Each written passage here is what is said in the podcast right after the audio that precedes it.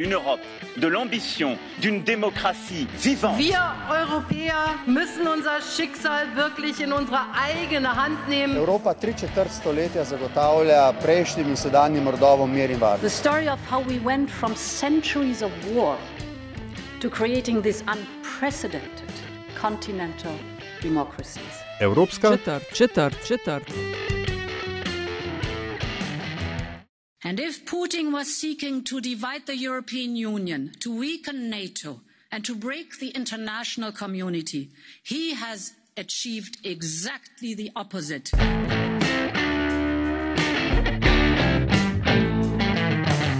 Spoštovane in cenjeni, dobrodošli v podkastu Evropska četrt. Podcast o vsem, kar vas bo zanimalo o Evropski uniji, pa niste vedeli, koga vprašati.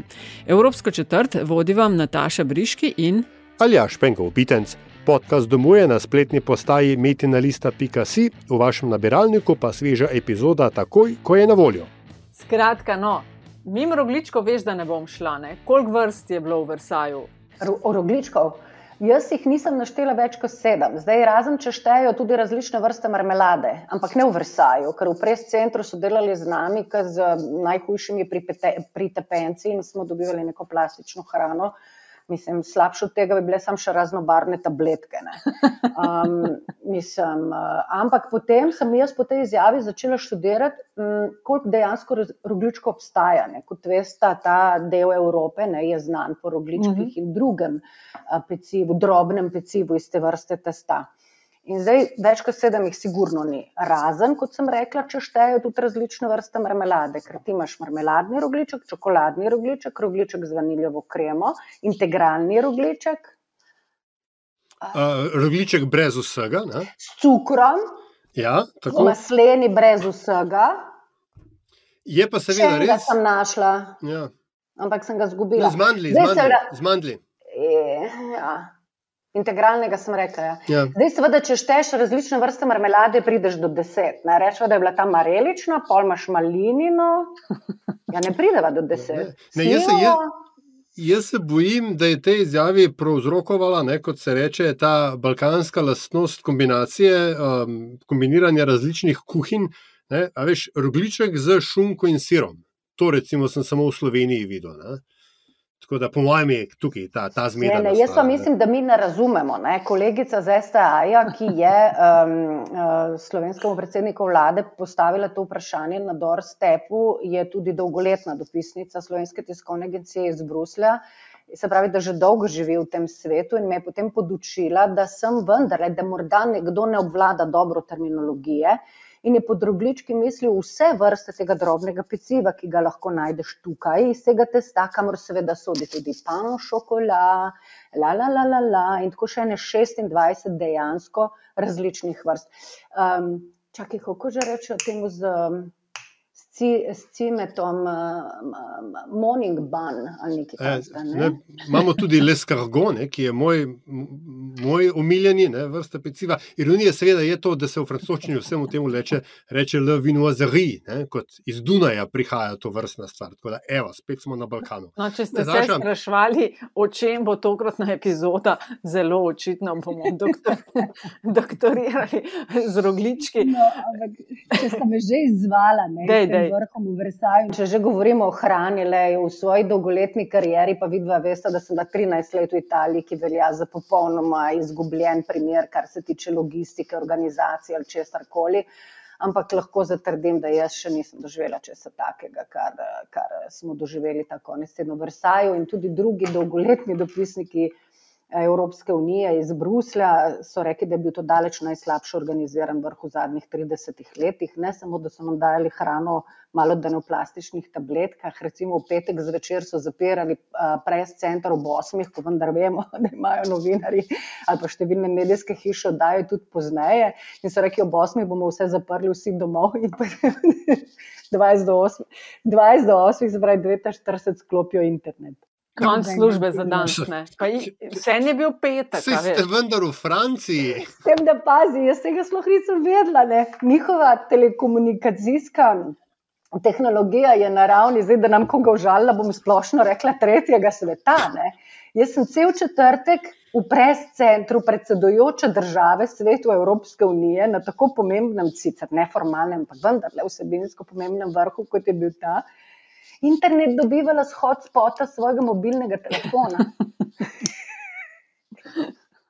Back to basics, mojca. Veš, da ne pozabimo, kako je bilo 20 let nazaj. Ja, tako. Ej, mojca, ful... spotli, ja. Prost, ne, ne, kar, kar. Uh, res, pol ti hvala za tvoj čas in uh, za to, da boš z nama poklepetala mal. Um, zdaj, mi dva sva snemala za lažem nekaj pogovorov v zadnjih dneh uh, z Barbaro Šurk, ki je malo usporednice s serijo med drugim potegnila, pa ona zdaj poroča iz Francije in uh, Francija je predsedujoča svetu. Tako smo malo o tem, Miha Lamprek nam je mal kontekst uh, cele zgodbe in uh, zgodovinsko ozadje rusko-ukrajinskih odnosov, pa z vlasto jeseničnik smo. Sva debatirala o tem, uh, kako um, omejene so razmere zdaj, ali pa kako se omejujejo, uh, omejujejo delo novinarjev in dopisnikov v Moskvi. Ne? Tebe imamo pa v Bruslu.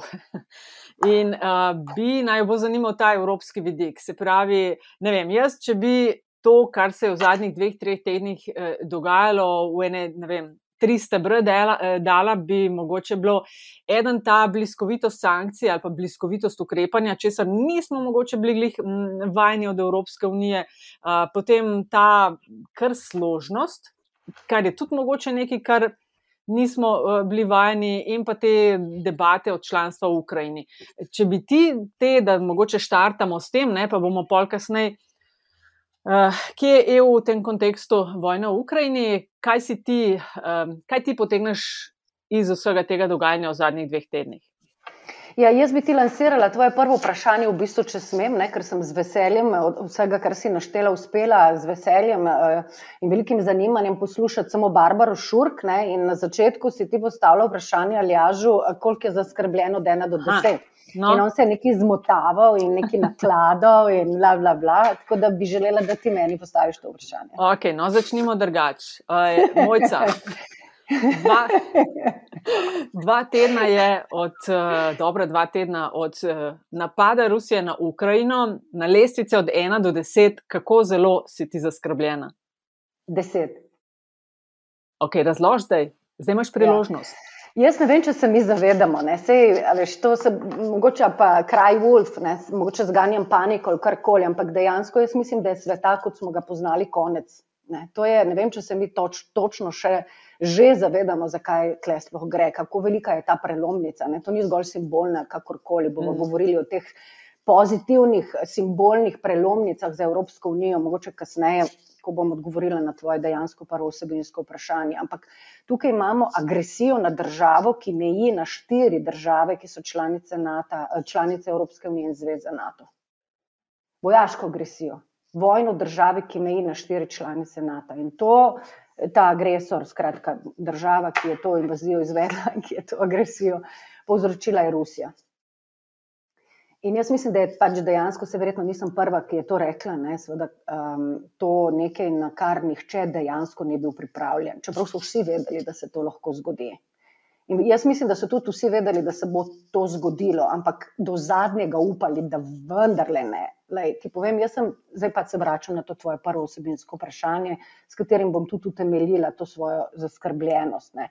Jaz se spomnim svojega zadnjega vklopa za odmeve pred, uh, pred napadom. Ne. To je bilo v sredo, uh, 23. Ne.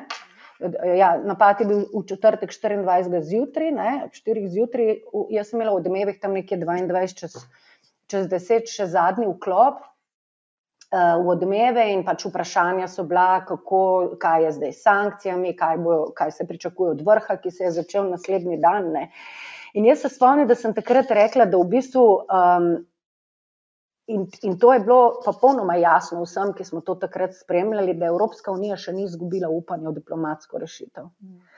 Da gre v bistvu dejansko za merjanje moči med ruskim predsednikom in Zahodom, in da je pač Bruselj bil drugače kot Washington, pripravljen verjeti, da je kriza rešljiva brez totalne vojne, da jo je mogoče še vedno odvrniti z grožnjo teh ostrih gospodarskih sankcij. In da se bo, seveda, tega se fulj spomnil, da se bo ruski predsednik ustavil na robu prepada. In ne vem, šest ur pozneje pač uh, je, se je, so bile te besede megla, ne, pač prazen zrak, niso imele več nobenega pomena. Ampak s tem hoč, vam hočem povedati, da dejansko je resni, eh, veljalo do zadnjega, da bi se to, temu bilo možno izogniti.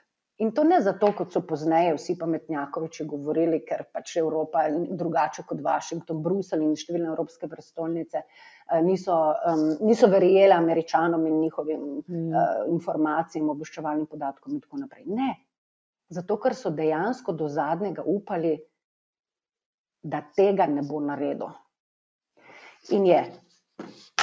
Bojca, um, to, kar so v bistvu opisala, ne, je. Uh, na nek način se zdi, da je šla Evropa 23. spat nedolžna in 24. se je zbudila velik geostrateški player, če bi recimo to zdaj zelo optimistično opisal.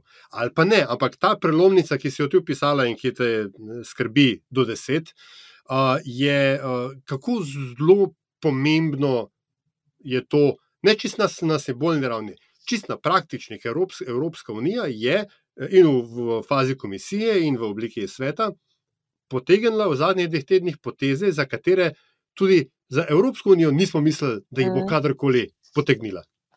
Lej, namenoma sem začela s to zgodbo, ker sem želela povedati v bistvu nekaj nasprotnega, za kar se mi zdi, da me ti sprašuješ. Ne. Evropska unija se ni zbudila nedolžna in prebudila kot nekaj drugega, ne, da ne bom zdaj uporabljala izrazov. Ne. Jaz mislim, da je šlo za kontinuiteto s tem, kar sem povedala na začetku, skratka s tem, da je do zadnjega upala v, v diplomatsko rešitev, hočem dokazati, da gre v bistvu za eno samo kontinuiteto ravnanja Evropske unije. Se pravi, iskanje diplomatske rešitve pogajanja, pogovori, ker zakaj?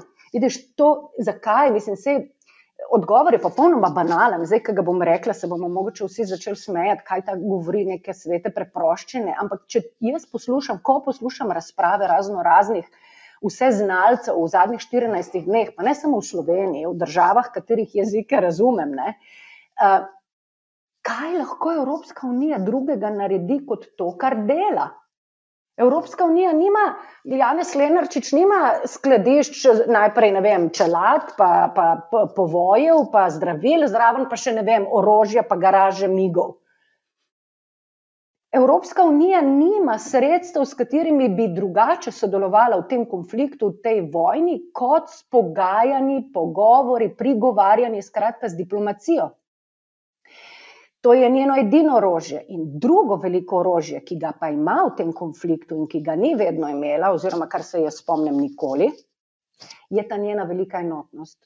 Ja. Skratka, velika enotnost držav članic, ki so se kot ena v tistih dveh, treh tednih, zadnjih dveh, treh tednih pred invazijo, v, stopni, v teh stopnjevanjih napetosti vedno bolj stiskale druga k drugi in tudi tisti zadnji dvomljivci. Ne, spomnimo se mačarskega premijeja Orbana. Mi smo vsi čakali, kaj bo mačarski premijer Orban, kdaj, kaj bo rekel, kdaj bo rekel, kako bo rekel, kakšne signale bo spuščal in druge velike zaveznice Rusije in ruskega predsednika Putina v prejšnjih časih. In ruski predsednik je, to so danes pač tudi številni analitiki potrdili, upal na to, da bo prišlo do razkola v Evropski uniji. Se je vse delo v to smer in ta razkol je bil prisoten in je popolnoma razumljiv. To je organski del Evropske unije, mm. da je razklana ob različnih vprašanjih. Te, te uh, razpoke ob različnih vprašanjih potekajo v različne smeri, v, ne v različnih oblikah, ampak so ob vsem. In to je nekaj popolnoma normalnega, ker kot smo, vse smo že večkrat se pogovarjali o Evropski uniji. Jaz ne razumem, kaj za. Evropska unija ni neka homogena tvorba. To je skupnost 27 držav in jaz mislim, da je to popolnoma logično in prav je, da je tako, da so med njimi razlike, o katerih se pač pogovarja za skupno mizo in to je point Evropske unije. No, in, in, in ko je prišlo dejansko do te invazije, se je prvič, kar jaz spremljam Evropsko unijo in verjetno tudi prvič, odkar uh, um, recimo, da zdaljave, no, spremljam njeno delovanje, pokazala ta dejanska enotnost. In to v resnici je njeno najmočnejše orožje. In iz tega izhaja Ljaš to, kar si omenil. Ne? In Nataša ti prej, ta hitra reakcija, ti ukrepi, za katere se je še pet minut prej zdelo, ja. da so popolnoma nepredstavljivi in nemogoči. No, in te sankcije, mojca, so tako zelo konkretne, če se primerja s tem, kako je EU reagirala po ruski zasedbi Krima. Ampak ene stvari, no, povej nam uh, tudi to, ali je v tej enotnosti, ali so bili v Versaju videti, kljub temu, da je normalno za EU, da so razlike. A je že kaj videti, da kdo malo kalkulira? Zaradi tega, ker tudi v tem zdaj spet bojo nove sankcije, ne? ampak enega dela pa v teh sankcijah ni. In sicer sploh Zahodna Evropa je zelo energetsko odvisna od Rusije in tega se pa ne dotikajo. Ne? Mislim, to je, veš, to je, o tem je bilo seveda, o tem se je veliko ja. govorilo, sej to je bilo ključno vprašanje. Ne? Prvo ključno vprašanje je bilo uh, uh, to vprašanje članstva oziroma prošnje uh, Ukrajine za, za članstvo v Evropski uniji in drugo vprašanje je bilo to, uh, ta splošna prepoved uvoza um, uh, ruskega plina pač in drugih energentov. Ne? Mislim, Uh, kaj ni ti rečem? Ne? Odgovor na to strani voditeljev je bil pač ta, ne, da ni treba vse hasov takoj vreči na mizo. Ne? Mhm. Ker, kot, sva, kot sem rekla na začetku, ne, drugega orožja Evropska unija nima kot ta gospodarski pritisk in seveda izolacija Rusije. Ne. In um,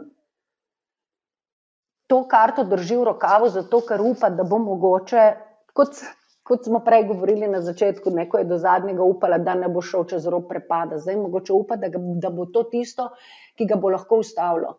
Ker, kot vidimo v teh dneh, ne, še številni analitiki strinjajo s tem, da je najnevarnejši trenutek v tej situaciji ta, da je ruski predsednik, oziroma Euro, da ne bomo samo personalizirali cele te zgodbe, ne, rusko vodstvo stisnjeno v kot. In je najnevarnejše v takih situacijah, ko nima poti umika, ker potem nima več kaj izgubiti in postane dejansko popadljiv in najbolj nevaren in popolnoma destruktiven. Se pravi, da je prvo pravilo, ne, in tega nisem si jaz zmislila, to pač govorijo vsi strokovnjaki, um, od vojne do Machiavellija naprej, strokovnjaki, mojstri politike in politične analize. Ti moraš dati svojemu nasprotniku možnost izhoda. Ker če ga nima, nima kaj izgubiti in s tem samo, lahko samo ti izgubiš. Se pravi, ena od teh poti izhoda je možnost izhoda, ena od teh poti situacije, v katero se je Rusija dala, to stisnjenost v kot, je tudi ta, da se obdrži dejansko še vedno nek način, neke normalne, nekega normalnega gospodarskega sodelovanja ali kakorkoli. Ki bi lahko bil v angleščini rečeno deterrence za Rusijo. Druga, drugi razlog je pa seveda ta, ne, da bi ta skrajni ukrep ne prizadel samo Rusijo, ampak zelo, zelo močno tudi Evropo in evropske državljane. No, Samo eno podvprašanje, če aljaš, ki si že ravno to omenila. Ne? Seveda bi to šlo tudi v drugo smer, ne bi pa šlo do vseh članic enako. Dej za tiste, ki morda tega ne spremljajo, to zelo natančno. Razlož, zakaj so eni bolj glasni s sankcijami, ker običajno je to malo povezano, da so malo bolj energetsko neodvisni, in drugi malo manj. Recimo Nemčija in Francija sta že v povsem drugačnem položaju. Ne? Ja, kje bomo začeli? No, recimo, številke so take. Povpre, ta, evropsko povprečje je 40 odstotkov. Se pravi, štir, Evropska unija 40 odstotkov svojih potreb po zemeljskem plinu pokrije iz Rusije. In zdaj znotraj teh 40 odstotkov imaš seveda več ali manj. Ne? Recimo Avstrija, um, Mačarska, mm. Poljska, to je 80 odstotkov. Bolgarija, pa še dve baltski, pa ne vem več, kje je, mislim, da je Estonija in Latvija, 100%.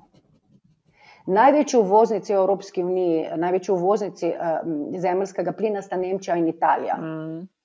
In oni dve, mislim, da tudi, tam je tudi več, polovic, več od povprečja. Se mm. pravi, da ne vem, več kot polovica odvisnosti. Ne. In zdaj, glede na to, kar sem zdaj povedala, glede na te številke, ne, si potem lahko predstavljaš, kako potekajo te razprave o tem, ali, ali uvesti to totalno prepoved uvoza ali ne. No, ampak, če je Evropska unija dolgo časa veljala in sploh dokler so bili Britanci noter, so sploh forsirali ne, ta vidik skupnega interesa, skupnega trga, najnižjega skupnega imenovalca, ne, ki, ki, ki definira to povezavo. um, je ravno vprašanje, ki se je pojavilo ob ruski agresiji na Ukrajino, to postavilo na, na, ne, na neko novo kvalitativno raven. Ne? Ko so države članice vendarle pripravljene, zaenkrat do neke mere, um, ogroziti svoje lastno ekonomsko ugodje, zato da dosežejo nek politični cilj. Tudi to se mi zdi, pa ne vem, če se strinjaš, je neka nova kvaliteta v razumevanju Evropske unije, se pravi, same sebe. Ja, to zato, ker jim gori pod nogami. Nam vsem gori pod nogami in tega se pač zavedajo tudi politični voditelji. In njihovo prvo in enotno in sporočilo, ki ga nenehno ponavljajo, je: bo bolelo. Hmm. Vse, kar bomo storili, bo bolelo, ampak bo uredno. Kar je zanimivo, ne, da se to sporočilo pojavlja zdaj, uh, v času, ko v marsikateri ključni državi, članici in tudi kakšni malo manj ključni, uh, so, smo tik pred volitvami. Ja, samo veš, to je. Jaz mislim, da to, ko sem začela s to svojo desetko na lestvici zaskrbljenosti, ne, veš, to, so vse, to so zdaj vse neki minorni problemi, neka minorna vprašanja. Ne. Razumeš, dejansko je nevarnost zelo velika za red, v katerem smo, in dejansko je tudi v bistvu neka fizična ogroženost državljanov Evropske unije zelo blizu. Nikoli še tako po razpadu hladne vojne. In tega pač to poslušamo. Ne? Jaz vam zdaj samo pač povzemam ne? stališča, eh, ki jih moram pač po službeni dožnosti spremljati. Ne? In dejansko je ta zaskrbljenost zelo velika. Ne? In v bistvu gre za pripravljanje državljanov na vse bolečine, ki mogoče še lahko pridejo. Mm. Mislim, kaj tako bizarnega, kot je bil tisti dron, ki je padel na Hrvaško, In mislim, mi smo bili, uh, to, je bilo, to je bil prvi dan, ne? prvi dan vrha, v četrtek. Ne? Hrvaški predsednik Plenković ni govoril o ničemer drugem, cel dan. Imel je tako ene tri doorstepe in izjave za javnost oziroma za svoje novinarje, ne? ker je bilo namreč toliko vprašanj. In ker je bila živčnost tako velika, in informacije, ki so prišle na dan, ne, o tem, da ni ne ukrajinski, ne ruski, da so ga spremljali, ampak se jim je zdel ne nevaren, mislim, halo, Mačarska je rekla, da je prišel z Romunijo ali obratno. Romunija je rekla, da je prišel z Mačarske, prišel skratka, čez neke tri, štiri članice NATO, gre in pade sred Zagreba. Koliko ton ima ta reč, jaz ne vem. Mislim, to, to, ni, to, ni, to ni pipistrel, ne? to je verjetno nekaj hujšega. Kratka, to, so, to so pač neki pokazatelji, uh, resnosti no, in tudi nevarnosti te, te situacije, za, ne le za Ukrajince, za katere je to neznanska tragedija, tudi za Ruse, za katere je to neznanska tragedija, ampak tudi za vseh 27 mm. držav članic Evropske unije. Lej, ampak, ko govorimo o tej odvisnosti od ruskega energetskega trga, veš, vsak ti, ko recimo imaš kaj v narekovaju preveč denarja, in sprašuješ, kaj naj bi zdaj z njim, ti svetujejo, mal da je sem, mal da je tja, mal da je tja. Skratka, ne imeti vsega v eni košari. E, sploh, ko imaš opravka z državo, ki vlada avtokrat s trdo roko. A je zdaj mal kaj razmisleka ali pa prej spraševanja, čak mal, je, kaj smo pa razmišljali, da smo se tako zelo vezali na ta trg, ki je videti, da se lahko spremeni tako rekoč čez noč. Sam, seveda, absolutno. Ne, o tem je pač zdaj to eden, eno glavnih vprašanj. Ne, ampak bi malo popravljal tvoje vprašanje, no, ne, da smo se vezali, zakaj se tako dolgo nismo odvezali. Je pravo vprašanje. Ne, in, in v bistvu tukaj na nek način, kolikor se to spet brutalno, brutalno neposredno sliši, ne, ampak če kaj je pač ta vojna utišala tiste države, večinoma vzhodnoevropske, članice Evropske unije, ki so odvisne od fosilnih goriv in ki so, dos, ki so doslej metale polena pod noge zeleni preobrazbi, ki, kot vemo, je pa, paradni kon uh, ekipe von der Leinove, skratka Evropske komisije v tem mandatu. Ne. In, in, in Še nedavno tega smo, mi, smo razpravljali o tem, kako, do, kako dolgo bo trajal ta zeleni prehod, kaj vse bodo države morale storiti, kako, kako težak bo ta sklad za previ, pravični prehod, iz katerega bodo te države, ne, ki so najbolj odvisne od fosilnih goriv, cuzale denar, da bodo lahko prešle na obnovljive vere energije. Ne. In to v bistvu je odgovor na tvoje vprašanje. Ne. To se ti zgodi, ne, če si pač odvisen od uvoza. Ne, okay, nekatere države so tudi od svojega lastnega, ne, ne samo od ruskega, ampak dejansko Evropska unija in von der Leinova, kaj pa če drugega, to je njeno delo. Ne, je zavohala, ne, kam pa staco moli, oziroma v katero smer veter piha, in so začeli ne, takoj v bistvu um, ne odpirati, ker je že vse čas odprto, ampak poudarjati to vprašanje oziroma odgovor na nje. In to je, ne, treba je pač pospešiti to diverzifikacijo uh -huh. um, dobave, se pravi raznovrstnost verov, ne, predvsem pa vlagati, vlagati, vlagati v obnovljive vire energije in v evropski zeleni prehod. Ne.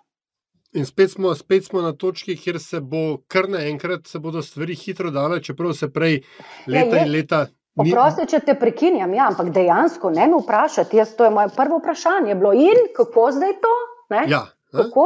Evropska komisija je v dveh dneh, kdaj v torek, je predstavila tisti svoj famozni načrt, da bo do leta 2027, je potem rekla v petek von der Leinova, ne, bilo pač do, do konca leta zmanjšati odvisnost od ruskega plina za dve tretjini, do leta 2027 pa v celoti. Uh mhm. -huh. Kako že? Ne? Zdaj, seveda, na podrobnosti čakamo. Ne? Ampak dejansko, kot si rekel, ne? Če se, je, če se zdaj kar naenkrat da, zakaj se prej ni dalo?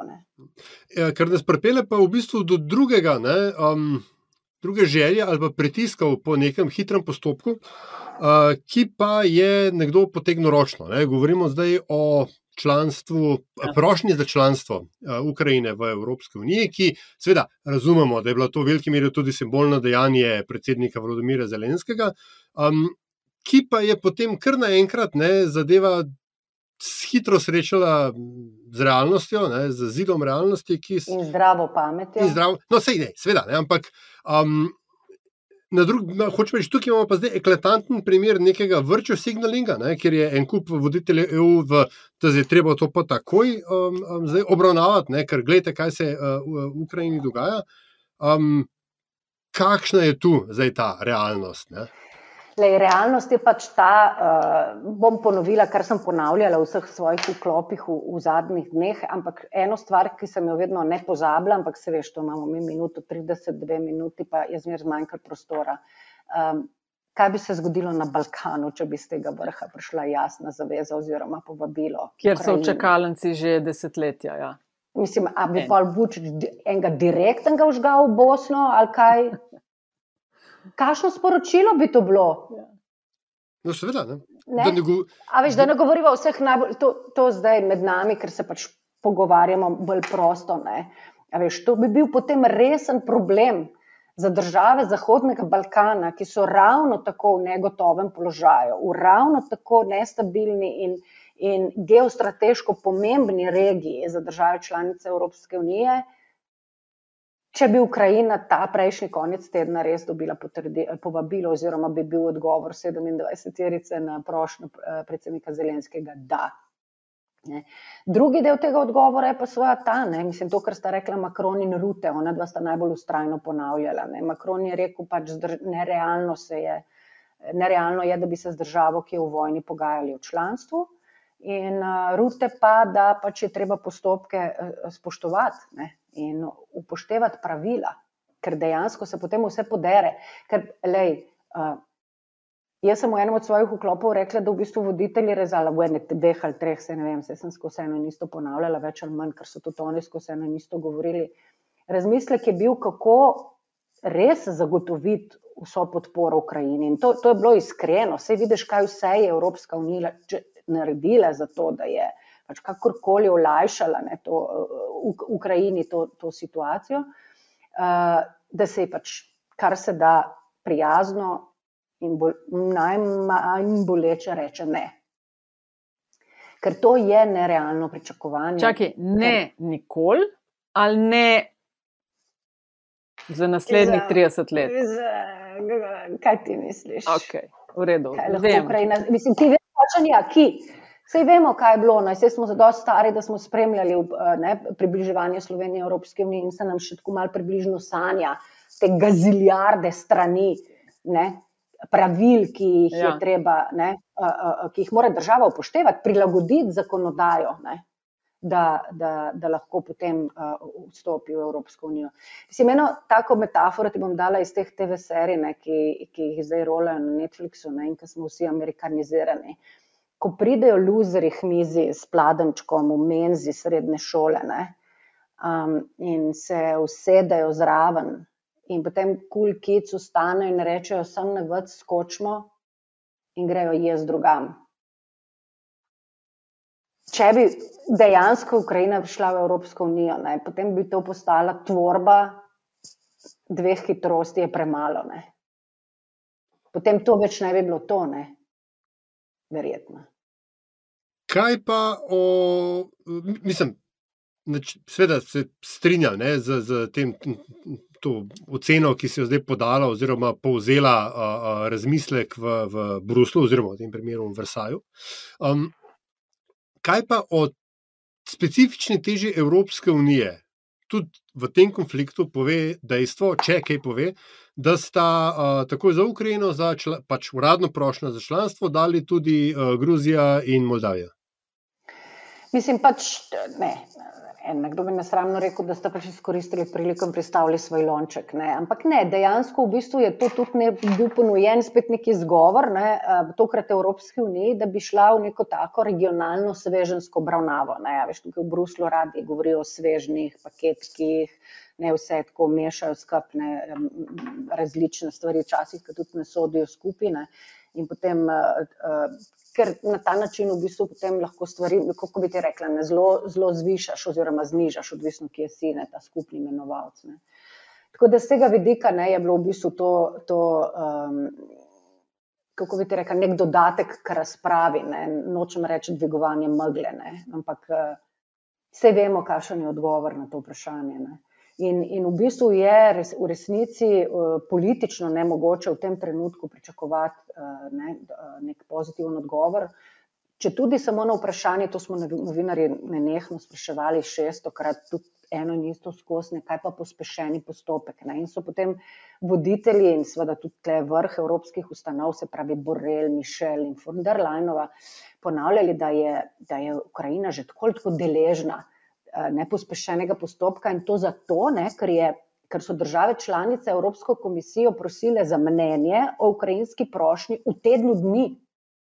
Samo teden dni je trajal, da je šlo to iz enega čez cesto, ne, mislim, čez Hudla Lua, tle, ker da v primeru Črne Gore je to trajalo, vem, od, od, od novembra do aprila. Od nekaj, skratka, Ne? Veš, iz njihovega vidika so se stvari v bistvu tudi zelo hitro ne, začele, začele odvijati. Ampak kaj to pomeni? Ne? Da zdaj lahko Evropska komisija, kolikor dolgo želi, izdeluje mnenje o tem, kaj meni o, o, o ukrajinski prošnji. Mojca, da nam prosim, povej še, um, ker si prkorito v narekovajih v Bruslju, ne, um, slovenski premijer je bil, vsaj ob spremljanju slovenskih medijev, kar glasen glede tega, kaj bi se moglo, kdaj bi se moglo, takoj na začetku z ostrimi sankcijami, tudi da naj se zapre uh, prostor zračni nad Ukrajino. Kako je bilo to tam sprejeto? Ali je to nekdo, ki, ne vem, premijer, predsednik vlade manjše države, ki poskuša nekako v tej igri velikih izskočiti, ali se je kaj slišalo, O čem se je govorilo? No? Ne, moram reči, da je eh, predsednik slovenske vlade, v bistvu, odkar je prišlo do te najprej mhm. zaostrovanja ne, razmer na rusko-ukrajinski meji in potem do invazije, v bistvu s tem svojim sporočilom, ki je skozi isto ne, in eh, v bistvu zelo radikalno, ne, je, na, je med tistimi, ki se zauzemajo za takošnje članstvo Evropske unije, recimo imel zelo ostre izjave ne, na doorstepih na tem vrhu, češ da. Mislim, meni je najbolj v spominu bila ta, da se bodo tisti, ne, ki se danes izgovarjajo na dolge postopke, naj vam povem, da med tem, ko je on to govoril meni in kolegici z STA, je zraven njega stal nizozemski premijer Rute. No, velika prijatelja, ne? velika prijatelja, ampak v tem trenutku tudi vsak na svoji strani, ja. ne, ker je premijer Rute med tistimi, ki najbolj glasno mirijo duhove, češ to je nemogoče naš torej slovenski premijer pa na tej strani, ki, na strani tistih, ki menijo, da je to treba nujno storiti. Skratka, rekel je, da se ja. bodo tisti, ki se danes izgovarjajo na dolge uh, na dolge postopke, k malu, ob tem, ko bodo spremljali razmere, razvoj razmer v Ukrajini, zavedli, kako velika je simbolna moč Evropske unije. Skratka, ta, jaz sem ga tako razumela, da, da bodo mogoče Evropsko unijo ta tragedija na, na, na ukrajinskih tleh, skratka, um, intenziteta vojne prisilila v to, da se bodo premislili. No? Skratka, da bodo dojeli, kako je to pomembno. Ne, to. Ampak na tvoj odgovor, na tvoje vprašanje, skratka, on je se zelo izpostavil uh -huh. v mhm. tem času, v tem obdobju, ima jasna stališča in jih tudi zelo rad pove. In uh, odgovarja na vsaka vprašanja, je zelo dostopen, in uh, na tem vrhu so ga tudi novinari, pa tudi na prejšnjem vrhu v, v Bruslu, uh, zelo iskali in v bistvu uh, spraševali, ker je pač jasno, uh, ne, obelodano ta stališča. Zdaj, ko si me pa vprašala, kako to zgleda, ne, majhna država skače ven, bi jaz dala en tak spet primer šolskega dvorišča, ampak tokrat ne samo z neke ameriške menze, ampak iz vsakega otroškega ali pa šolskega igrišča, kjerkoli. V bistvu, če imaš tri, štiri težke frajerje spredi, ki dejansko vsem odločajo, je lahko zadnji kričati, da je ga, da je ga, da je ga. Ne um, vem, če sem razumel. Ja, jasno je. Ne, pač, um, Mislim, malo... pač, če veš, ne, deset držav članic, ne, to ni samo Slovenija, ne, tudi vse vzhodne evropske države. Sploh te, ki mejijo, ne, zgodovinsko, zgodovinsko ja. druga, njihova senzibilnost je popolnoma drugačna kot je tle v Beneluxu, ne, na drugi strani Evrope. Um, drugače in tudi veliko bolj čustveno ne, dojemajo vso to zadevo in menijo, sveda, da, da je tudi to orožje članstva, ne pa tudi ta, recimo, prepoved, prepoved eh, zračnega prostora nad Ukrajino, ne, še vedno neko legitimno orožje, ki bi ga lahko Evropska unija uporabila proti Rusiji. No, seveda, um, mogoče celo EU tukaj ni ta pravi forum, ne, ker tisti, ki v končni fazi odloča in predvsem lahko izvaja uh, takšno politiko, je na drugi strani Atlantika. Um, Ampak um, mogoče, ne, če se mi vendarle postavimo, um, premaknemo proti koncu, ta hip se ne spomnim, mislim, da je bil Gari Gasparov, ampak nisem prepričan, je pripomnil, da ruska agresija na Ukrajino ni vojna proti Ukrajini, ampak je vojna proti Evropski uniji. A je to sentiment, ki nekako prevega Bruselj, ali na to vendarle v tem velikem planu gledajo drugače? Mislim, v prvi vrsti je to vojna proti zvezi NATO. Ne? In tudi ta vprašanja, o katerih smo prej govorili, zračni prostor in tako naprej, to niso vprašanja, o katerih bi Evropska unija odločala. Ne? To so vprašanja, o katerih se odloča znotraj zveze NATO. Um, ampak na, na to vprašanje, ali je to tudi vojna proti Evropski uniji, bom odgovorila tisto, kar mislim, da, da sem v pogovorih z vama že večkrat povedala. Jaz mislim, da gre Evropska unija na živce ne samo Rusiji, eh, sedanjega vodstva, ne? ampak tudi ZDA in Kitajski. Evropska unija, tvorba kot je, 27, če spet ostanemo na, na šolskem dvorišču, popolnoma različnih modelov, egov, pridnih, lumpih, eh, buljev, zoprnih, takih, vase zavarovanih in drugačnih. In funkcionira. To je najbogatejši trg na svetu, v našem potrošniškem kapitalizmu, v katerem smo, smo pristali. Je to največja vrednota da imaš ti trg skupno močjo.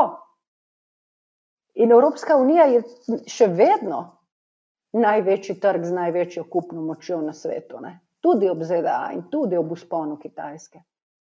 In da to lahko deluje enotno, da to lahko ustvarja ne samo enotni trg, ampak enotno območje brez meja in enotno valuto. Pa to gre vsem ostalim, ki niso del tega, na živce. To smo ugotavljali že ob migranski krizi, za katero so mnogi trdili, da je bila umetno izvana prav zato, da načne to, ta vzpon, mm. ne enotnost, pač ta moč no. Evropske unije, ki jo je uspela doseči z poenotenjem, z gradnjo te neke skupne ekonomske tvorbe. Jaz sicer mislim, da je tesnejše politično povezovanje držav Evropske unije napaka, da je to korak preveč, prav zaradi vseh teh razlik, ki jih vse čas omenjam, ki so dragocene in ki bi jih bilo treba ohraniti zveza suverenih držav, ampak v tem nekem gospodarskem, socialnem, vrednostnem smislu. Ne, je to pač neka tvorba, ki je ni. Poglejte, kakšne težave imajo danes ZDA. Mislim, sej, ko, razlike med državami, torej med posameznimi, nezvezdnimi državami, rasizem, pre, preoblikovanje volivnih četrti in vse te nizke, nizke zatohle uh, poskuse, ne, da bi jo pač celotno državo preoblikovali v neki, mislim, v čem je to različno od tega, kar avtokratskega vodenja ruskega predsednika. Rusi, uh, uh, ruskega predsednika. Gre za države, ki imajo pač težave same sabo v svoji notranjosti, s čistim nekim navadnim demokratičnim načinom vodenja, z osnovnimi pravili. Mojca, samo ena stvar, kar jaz vem, samo to, ja. tega zaenkrat še ni. Zaenkrat. Ena, ena stvar še mogoče pa rečemo, Dio, uh, omenila si, ali pa govorimo tudi o teh tektonskih premikih. Ne? Eden je bil sankcij, kakršnih je še ni nikomor zadala, drug ta enotnost, ki je prej nismo bili vajeni, ampak ena stvar se tudi še dogaja, ki je prej ni bilo. Ne? Govorili se o demilitarizaciji in podobnem. Ne? Zdaj naenkrat se zdi, da grejo, da bodo šli proračuni vojaški navzgor, Švedska, Finska razmišljata o NATO, Nemčija bo pojačala svoj vojaški proračun. No, to pa je tudi ena od zadev, ki se je zgodila kot posledica vojne v Ukrajini. Ja, no, vse to je, ta, to, to je ena od teh pet pač velikih prelomnic, ne samo pač te sankcije. Ja. To dejstvo, da je Evropa pač ti, ta dva ukrepa ne, na ravni Evropske unije, ne, če pustimo Nemčijo za ta trenutek ob strani, ki je tudi za 180 stopinj pač obrnila svojo 70 let trajajočo, igrajočo ploščo. Ne. Prvi je pač za strani Evropske unije, je ta sploh prvič uporabljena zakonodaja, 22 let stara o splošni zaščiti beguncev, in drugi je ta, ne, da se porablja denar za financiranje, torej za pomoč, za nakup orožja države, ki je v konfliktu. Ne. In, in to je velika prelomnica, in jaz mislim, da je to žalostna prelomnica, ne? prav zaradi vsega tega, kar si do zdaj govorila. In zato tudi pravim, svet, sveta, ki smo ga poznali, ga ni več. Od danes naprej ne bo nihče več govoril o razoroževanju in demilitarizaciji, ker bo dobil nekaj v glavo. Ne? Gremo popolnoma drugačen smer zaradi, zaradi tega, kar je pač storila Rusija, in to je žalostno. Mojca, če smo začeli z oceno, tvojo, ne, od 1 do 10, a, pa zaključimo še z napovedjo, ki jo bom jaz zdaj sugeriral. Kje se bo ta vojna rešila, zaključila? V Kijevu, Moskvi, v Versaju ali v Washingtonu? Verjetno, da v, Vaš, v Washingtonu, ne, to je definitivno. Ne. Ameriški buli ni, ne, če tudi osramočen eh, po umiku iz Afganistana in z vsemi notranjimi težavami, ki jih ima, eh, je še vedno vladar sveta, ne. vsaj našega. Ne. In v bistvu ga neposredno izziva njegov zgodovinski nasprotnik, ne, to, je, to je Rusija. Uh, ampak seveda jaz ne vem, pojma nimam. Mislim si na podlagi vsega, kar do zdaj vemo ne, o geostrateških odnosih, da se bo to, to zgodilo, eh, to, da bo to tako. Uh, tukaj bo, po mojem, tudi zelo pomembna vloga Pekinga, ne, kar ste, so vam verjetno številni drugi sogovorniki povedali, ne, ki sedi ob reki in čaka, da bodo trupla mimo priplavala. Ne, kar pomeni, da išče koristi, ki bi jih lahko potegnili iz tega konflikta, predvsem pa lekcije, kako ravnati zadevami, ki so za njim pomembne. Uh, kako se bo pa končalo, nimam pojma. In uh, kot, že, kot smo zdaj trikrat, štirikrat že rekli, ne, zgodile so se stvari, ki so bile še pred petimi minutami popolnoma nepredstavljive. Ne. In uh, jaz mislim, da pač teh presenečenj in nepredstavljivih stvari, ki na nadoma postanejo realnost, še ni konec. Ej, mojca, hvala za tvoje modre misli, za tvoj čas. Pa, lej, modre. A? Modre, ja, ja. bolj ali manj. Lej, pa čim manj stresen teden oziroma dneve, ki so pred tabo. No? Ja, hvala vam spet enkrat za povabilo in uh, uspešno delo. Hvala in srečno. To je bila Evropska četrt. Hvala za vašo pozornost. Predlogi mnenja zelo dobrodošli. Hvala tudi za pohvale in kritike, ki jih delite z nami, in res hvala za investicije, ki jih namenjate razvoju in produkciji naših vsebin. Avtor glasbene podlage je Pili iz podcasta Opravičujemo se za vse neušečnosti. Če pa vam je vsebina všeč, bo pomagalo, da nas najde še kdo, če naj jo ocenite pri vašem izbranem podcast ponudniku. Sicer pa hvala za vašo družbo in se slišimo prihodnjič.